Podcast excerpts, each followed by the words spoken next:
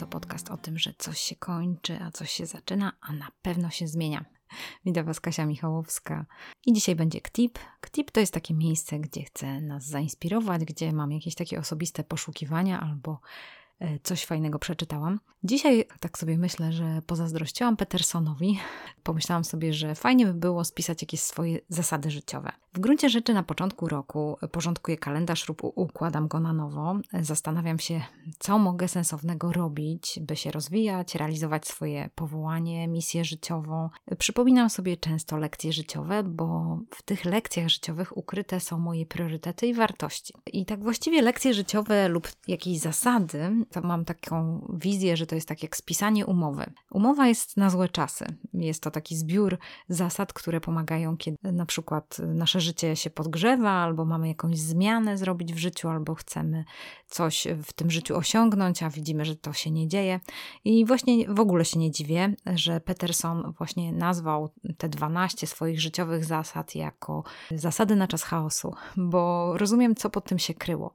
Że to jest właściwie taki sposób zrobienia takiego narzędzia i każdego zachęcam z nas do tego, żeby spisać takie swoje lekcje życiowe albo zasady życiowe. Coś, co was życie nauczyło, coś, czego doświadczyliście, coś, czego dowiedzieliście się o sobie lub o innych, albo w ogóle o świecie, o funkcjonowaniu świata. Tak to jest, że, że każdy z nas jakoś ten świat ogląda z jakiejś perspektywy. To jest, wiadomo, taka, jakbyśmy, nie wiem, głaskali słonia, on jest ogromny i każdy z nas widzi tego słonia z różnej strony. Ale tak naprawdę opisanie tych swoich lekcji życiowych czy tych zasad, y, to może spowodować, że pewne nasze założenia się zweryfikują lub e, jakieś nasze aktywności się zweryfikują albo jakieś relacje się zweryfikują i to wydaje mi się, że to może być coś fajnego. Jest to pomocne narzędzie, jest to pewne zadanie, które może wnieść wiele dobrego w nasz początek roku, który już właściwie się rozpędza, ale wydaje mi się, że, że warto to zrobić. Mi to zajęło jakieś 20-30 minut, spisałam sobie 8 takich swoich zasad życiowych i z chęcią podzielę się tym, co mi wyszło, jakie swoje lekcje i zasady życiowe zebrałam. Zapraszam.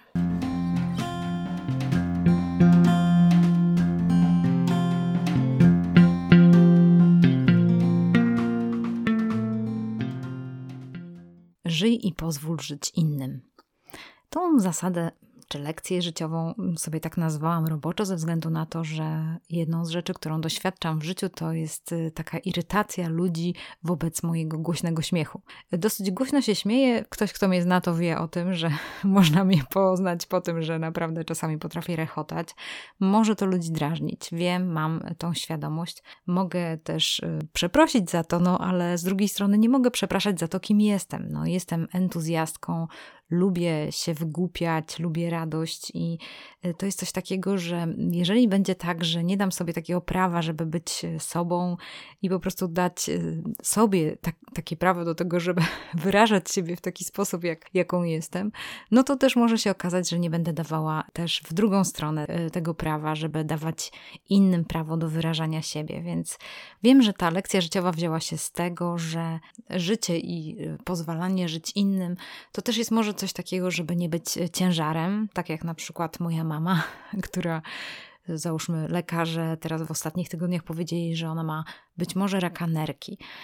E, I właśnie to było bardzo ciekawe, bo rozmawiałam z nią przez telefon i ona do mnie mówi: Kasia, na coś trzeba umrzeć. No wiadomo, znacie to. Niektórzy rodzice może do Was tak powiedzieli, ale chodzi mi o to, że jest jakaś mądrość w tym stwierdzeniu, bo mogłaby się na przykład mnie kurczowo trzymać i mówić, żebym zrobiła coś, żebym walczyła, żebym jakoś zmieniła tą rzeczywistość. Czasami nie da rady czegoś zrobić, po prostu wystarczy zrobić to, co trzeba, czyli po prostu pójść, zdiagnozować się, pójść do lekarza, ale nie wpadać w panikę albo e, odwracać, starać się na przykład, nie wiem, odwrócić e, bieg ziemi, która się kręci, albo po prostu zrobić coś, co jest ponad nasze siły. Jeżeli i pozwolić innym, to też e, dotyczy tego, żeby nie oceniać innych, żeby starać się nie porównywać, ponieważ to jest bezproduktywne. Jeżeli chodzi o tą ocenę innych, to wydaje mi się, że może mogę powiedzieć to na takim prostym przykładzie, to właśnie działa w taki sposób, że jeżeli będziemy oceniali na przykład swoją mamę, że nie wyszło jej ciasto, kolejny raz nie wyszło jej to ciasto, bo jej się przypaliło, no to ta ocena wróci do nas w tym momencie, kiedy sami przypalimy to ciasto i będziemy wtedy na siebie narzekali, tak samo jak narzekaliśmy na własną mamę. Więc niestety te oceny wracają do nas i ocena będzie nas sądziła, czyli tym, tym, tą oceną, którą oceniliśmy innych ludzi, ta ocena będzie do nas wracała. Więc naprawdę warto jest żyć i pozwolić żyć innym. Moja zasada numer dwa. Bądź proaktywny. Jeżeli chodzi o poczucie samotności, o przyjaciół, o relacje, o rodzinę, o narzekanie, no to często tutaj warto jest pomyśleć o tym, żeby e, narzekanie zamienić w plan i działanie. Narzekanie zamienić w tańczenie. narzekanie zamienić w coś miłego, czyli reaktywność, a proaktywność. Reaktywność wiąże się z tym, że mamy tam, czerpiemy siłę z narzekania, czerpiemy siłę z obgadywania kogoś, czerpiemy siłę z tego, że, że jest nam tak bardzo, bardzo źle. Oczywiście trzeba iść czasami się posmucić, trzeba i popłakać, trzeba i też poczuć to, co się czuje i też zebrać pewne informacje, e, ale nie można tak długo leżeć. Jeżeli zbyt długo leżymy, to być może jest to powód jakiejś choroby, więc wtedy warto by było poprosić kogoś o pomoc albo szukać jakiejś przyczyny naszej choroby, więc to też się będzie wiązało z proaktywnością i z tym, żeby zadbać o siebie, żeby szukać tego, co tam się w nas dzieje. W każdym razie ta proaktywność to nie chodzi o to, żeby być jakimś mega produktywnym, tylko żeby robić małe kroki do przodu. Mówić sobie, że zjem tego słonia po kawałeczku, nie przerażać się tym, że coś wielkiego mnie czeka, że tak jak na przykład było, znowu wracam tutaj do tego roku mojego, bo dużo się nauczyłam z tego poprzedniego roku choroby mamy i tego, że wiecie, musiałam chodzić po szpitalach i to było takie żmudne i robienie tego nic nie dało się przyspieszyć, bo było po prostu pełno ludzi, którzy byli chorzy. Więc po prostu szłyśmy krok po kroku i często właśnie ta proaktywność to jest właśnie krok po kroku. Dobry plan, działanie, czasami poproszenie kogoś o pomoc. To sobie wzięłam kiedyś od Koweja, 7 e, zasad e, skutecznego działania. Polecam tą książkę. E, mega zmieniła moje życie i podejście do proaktywności. Trzecia zasada Michałowskiej. Ucz się prosić o pomoc i ją przyjmować. To jest pewien rodzaj okazywania słabości. Może to jest się trochę wiąże z tą proaktywnością, ale słabość nie jest niczym złym. Zresztą też kilka odcinków o tym nagrałam. Taki syndrom Zosi Samosi i tego, że sobie poradzę, on nie jest dobrym syndromem. On często utwierdza nas w takiej samotności i poczuciu, że zarządzę całym światem. Często jest to syndrom też jedynaków, często jest to syndrom najstarszego rodzeństwa, więc jeżeli jesteście najstarszym rodzeństwem albo jedynakami, to być może że macie syndrom Zosi Samosi i być może jest to coś do rozwoju. Po prostu poprosić kogoś o pomoc albo przyjąć tą pomoc, że ktoś nam y, chce jej udzielić, nauczyć się też przyjmować tą pomoc i dziękować za tą pomoc. Nic się złego nie dzieje, że tak się stanie. Albo czasami można sobie samemu pomóc. Ja pamiętam taką sytuację, kiedy to odkryłam. E, zrobiłam kiedyś mojej przyjaciółce super wieczór panieński, miałyśmy super imprezę i w ogóle się tak bardzo dobrze bawiłyśmy. No a wiem, że ona nie jest osobą wylewną i ona kiedyś e, po prostu wyszła z tego wieczoru panieńskiego, kiedy już e, się skończył ode mnie. No i powiedziała mi dzięki Kasia i wyszła. Może nawet więcej coś powiedziała, ale ja oczekiwałam czegoś o wiele więcej, żeby ona powiedziała więcej słów. A ponieważ nie mówi więcej słów, taka jest. Zostałam w domu i myślę sobie, i ludzkie pojęcie, jak ja się strasznie z tym czuję. Czuję się, jakby mi ktoś nie podziękował. Się tyle namęczyłam, tyle zrobiłam. Wycinałam serduszka, zaplanowałam cały program imprezy różne rzeczy się wydarzyły na tym wieczorze. Ludzkie pojęcie, co ja tam się wystarałam. No i właśnie tak leżałam na, na wersalce i myślę sobie, jejku, ale przecież ja mogę sama sobie podziękować. Mogę powiedzieć, Kasiu, zrobiłaś dobrą robotę, zobacz, wycięłaś te serduszka, zrobiłaś y, dobre jedzenie, zaplanowałaś cały program, nawet zaplanowałaś jakieś występy artystyczne i wszystko się udało. I zaczęłam tak sobie do siebie gadać. I serio, naprawdę to pomogło. Wiem, że to może się wydawać takie dziwne, może głupie, może nierozsądne, ale czasami można sobie samemu pomóc. Mogłam się obrazić, mogłam mieć jakiegoś focha y, i mogłam też zdecydować, że nie pomogę sama sobie, ale naprawdę warto też pomóc sobie samemu. Zasada czwarta. Płakanie jest dobre. Żałoba, smutek y, to jest takie święte miejsce. Łzy to jest święte miejsce. Ja to tak sobie nazywam, bo jak ktoś na przykład przychodzi do mnie i opowiada mi swoją historię i czasami płacze, to wyciągam chusteczkę i płaczę razem z nim, bo po prostu to jest święte miejsce. Czasami musimy po prostu być jak żołnierze, po prostu pokazać sobie swoje blizny, powiedzieć tak, dostałam tutaj taki cios i po prostu to tak bardzo bolało. I ja też płaczę i wiem, bo też mam sama bliznę i też pokazuję swoją bliznę i mówię: Zobacz, a ja mam taką. A to nie było od noża, ale to było od strzału, jakiegoś strzału, który ktoś strzelił we mnie. I płakanie. Płakanie jest dobre, płakanie oczyszcza. Nie umiałam płakać wiele lat. Nie umiałam płakać. Mój tato umarł, jak miałam 9 lat, i nikt nie przeprowadził mnie w tym czasie przez żałobę. Nie wytłumaczył tego, że mm, tak się czuję, jak się czuję, co to znaczy w ogóle, że ktoś umiera, ktoś bliski. I tak naprawdę płacz zastąpił gniew. Bezsilność, którą miałam, umiałam tylko przerobić w gniew. Byłam zła na wszystkich, byłam zła na wszystko. I tak naprawdę odkrycie tego, że płakanie jest dobre, że płakanie, pokazywanie swojej bezsilności jest czymś dobrym, myślę, że uratowało mnie i wielu ludzi mi bliskich. Więc naprawdę, jeżeli kręcić się łezka wokół i dawno nie płakałaś albo nie płakałeś, to polecam. Nawet takie ćwiczenie, które za, zachęca do tego Lowen, zachęcam też do czytania Lowena, który uczy mężczyzn płakać i ma specjalną terapię dla mężczyzn, żeby po prostu czasami włączyć sobie wieczorem jakąś taką smutną muzykę i wypłakać. Po prostu wypłakać ten smutny świat, który nas otacza i to wszystko zło, które widzimy dookoła i taką bezsilność na to, co się dzieje. Można przecież to opłakać i przychodzi ulga. Za smutkiem zawsze skrywa się radość, za smutkiem zawsze skrywa się siła i tak naprawdę, kiedy popłaczemy, to później się radujemy, więc tak jak ze słońcem, kiedy zajdzie, później kiedyś wzejdzie.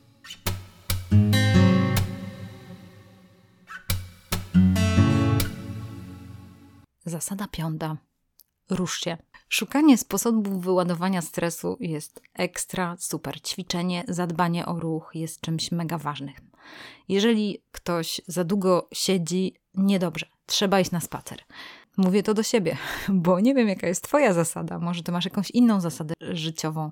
Ja dzielę się tym, co właśnie, jakie mam przemyślenia. Przynajmniej trzy razy w tygodniu mam zaplanowany ruch, spacery, ćwiczenia, Czasami to jest pływanie, jeżeli mogę, żeby było różnorodnie, żeby poruszać ciało. W zdrowym ciele zdrowy duch, w zdrowym ciele zdrowe emocje. Nasze ciało jest powiązane bardzo blisko z naszymi emocjami i z tym, jak się czujemy. Rozładowywanie stresu i tego kortyzolu, który się gromadzi w nas, jest mega ważne. Polecam moją piątą zasadę: rusz się.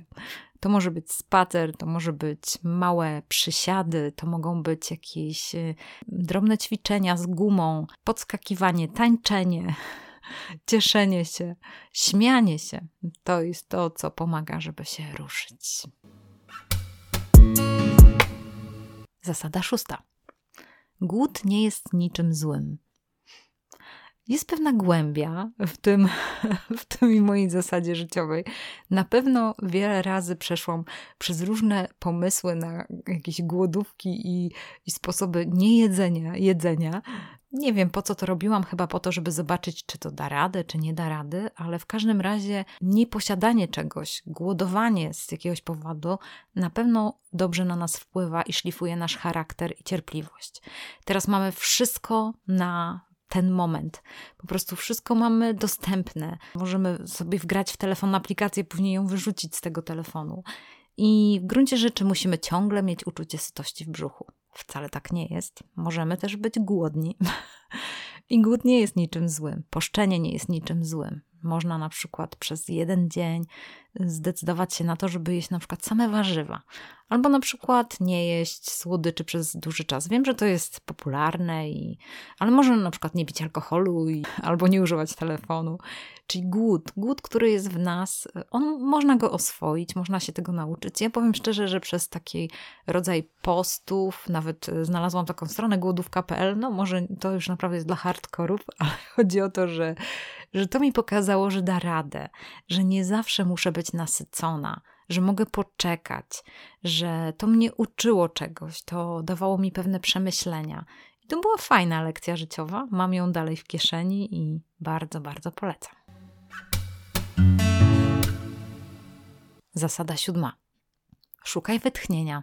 Jeżeli chodzi o to, mm, o takie oczyszczanie swojego umysłu w medytacji, w modlitwie, w czytaniu Słowa Bożego, jeżeli jesteś osobą wierzącą, y, post od telefonu, małe rzeczy, by odetchnąć, wyjście, popatrzenie na przyrodę, y, szukanie takiego mm, jakiegoś y, chwilowej, chwilowej refleksji, patrzenie na chmurki, re, zrelaksowanie się. Może czasami to jest patrzenie w ścianę przez chwilę i staranie się szukać tego nothing box. No mężczyźni mają lepiej, bo mają ten nothing box taki w sobie, w, w, swojej konstrukcji i łatwiej im to wychodzi. Kobiety ciągle mają ten y, proces myślowy. Niektóre nie, niektóre umieją wyłączać głowę. Bardzo im zazdroszczę, ja akurat nie umiem.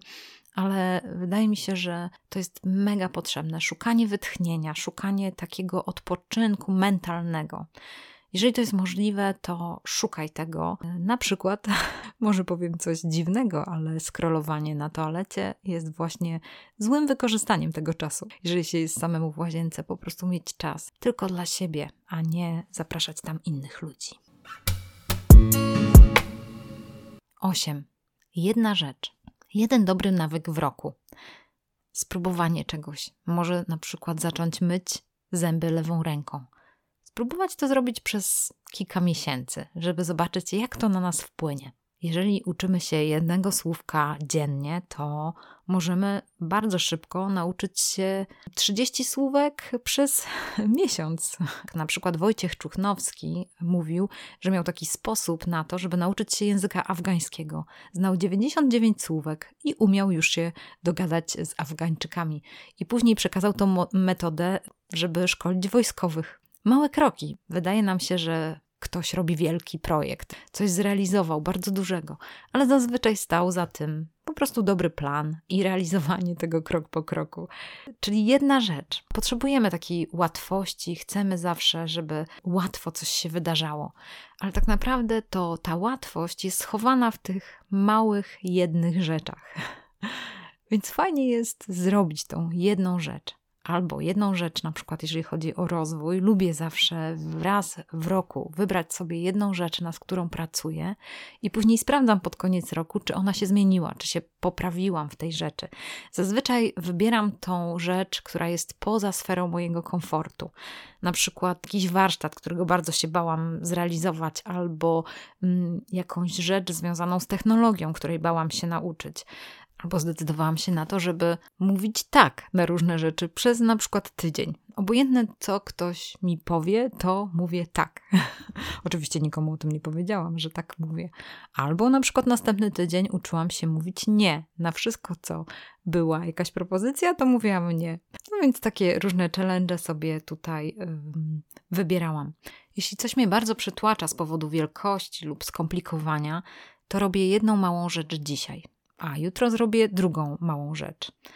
I moje radzenie sobie w praktyce, by mm, nie widzieć tej całości, to jest tak uciekanie przed zmartwieniem, uciekaniem przed y, włączeniem kamerki makro w obiektywie. Jeżeli widzę tylko mikro i taki skrawek, to jest łatwiej. Po prostu czasami wolę wybrać kawałek, tą jedną małą rzecz. Wstać rano, umyć zęby, później zrobić kawę, później nasmarować kromkę, później ją zjeść. Czyli po prostu starać się przejść te małe, łatwe zadania, które będą po prostu do zrealizowania. I wydaje mi się, tak jak powiedziałam już wcześniej, ten cały rok nauczył mnie tego, żeby nie myśleć o całym projekcie. Kiedy dowiedziałam się, że mama ma raka i że będą ją czekały dwie grube chemioterapie, do tego mastektomia i później radioterapia, to mnie to naprawdę na maksa przytłoczyło. I wydawało mi się to tak skomplikowane i nie do przejścia, jak wielkie zadanie. Wiedziałam, że będę musiała jeździć między Gdańskiem i Olsztynem. I zaczęłam wybiegać w przyszłość tymi myślami. To mnie po prostu tak przytłoczyło, że wiedziałam, że nie jestem w stanie tego zrealizować, więc zdecydowałam się na to, żeby przeżyć to krok po kroku. Zrobiłam sobie taką wielką kartkę od sufitu do podłogi, na której zaznaczyłam różne daty. I po kolei, kiedy mijały te daty, to tak jak centymetr odkrajałam ten kawałek tej długiej, białej kartki. I to spowodowało, że w pewnym sensie już tak widziałam, że te jakieś małe kawałki zaczynają znikać. E, więc e, jeżeli chodzi o to, żeby pracować z lękiem, żeby zarządzać lękiem, to jest to wyzwanie, bo można dużo nie spać i można jeszcze gorzej się czuć, jeszcze bardziej być w dołku. Każdy sobie radzi w jakiś inny sposób. I wydaje mi się, że właśnie spisanie takich lekcji życiowych, takich zasad życiowych jest jedną z rzeczy, która może ci pomóc. Ze względu na to, że jeżeli je spiszesz, to zobaczysz swoją siłę. Zobaczysz, ile masz w sobie tych zasobów takich na czas chaosu jakichś przekonań, jakichś y, podejść, które faktycznie pomagają ci w tym, żeby radzić sobie w trudnych sytuacjach. Nie mówię, że teraz jesteś w trudnej sytuacji, ale wiadomo, że na zmianę zawsze się przygotowujemy i ten czas, kiedy sobie pracujemy nad swoją misją życiową, nad swoim powołaniem, nad tym, żeby na przykład wypisać sobie swoje lekcje życiowe czy zasady życiowe, to jest to, co może pomóc. Jeszcze jedną taką bonusową zasadę życiową dołożę. Dziękuj. Dziękuj za wszystko. Ucz się dziękować. Bądź wdzięczny, bądź wdzięczna za śmieci, za małą łyżeczkę, za cukier, za kawę, za malutkie rzeczy i za duże rzeczy. To nie jest tak, że coś musi być naprawdę wielkie, żeby, żeby można było za to podziękować. Po prostu warto jest zawsze dziękować i szukać tego, żeby mm, w sobie rozbudzać taki optymizm, radość i wdzięczność, bo nawet tak jak powiedziała Cieszka Żółtko, to wpływa na nasz mózg i nasz mózg wtedy lepiej się rozwija. Taka niestety narzekanie i takie, e, takie smucenie się na siłę często może takie nasze tory mózgowe smucenia się załączać. Więc wdzięczność, radowanie się słońcem, radowanie się wiatrem, który nam przekłada włosy, słuchanie tego szumu patrzenie na zieloność, która zaraz rozkwitnie, patrzenie na pieski, na kotki, na ptaszki, zachwycanie się przyrodą, tą martwą przyrodą, zachwycanie się architekturą, tym jak świetnie ludzie potrafią coś wymyślić, jak super e, zaprojektują różne urządzenia. To wszystko jest naprawdę fajne.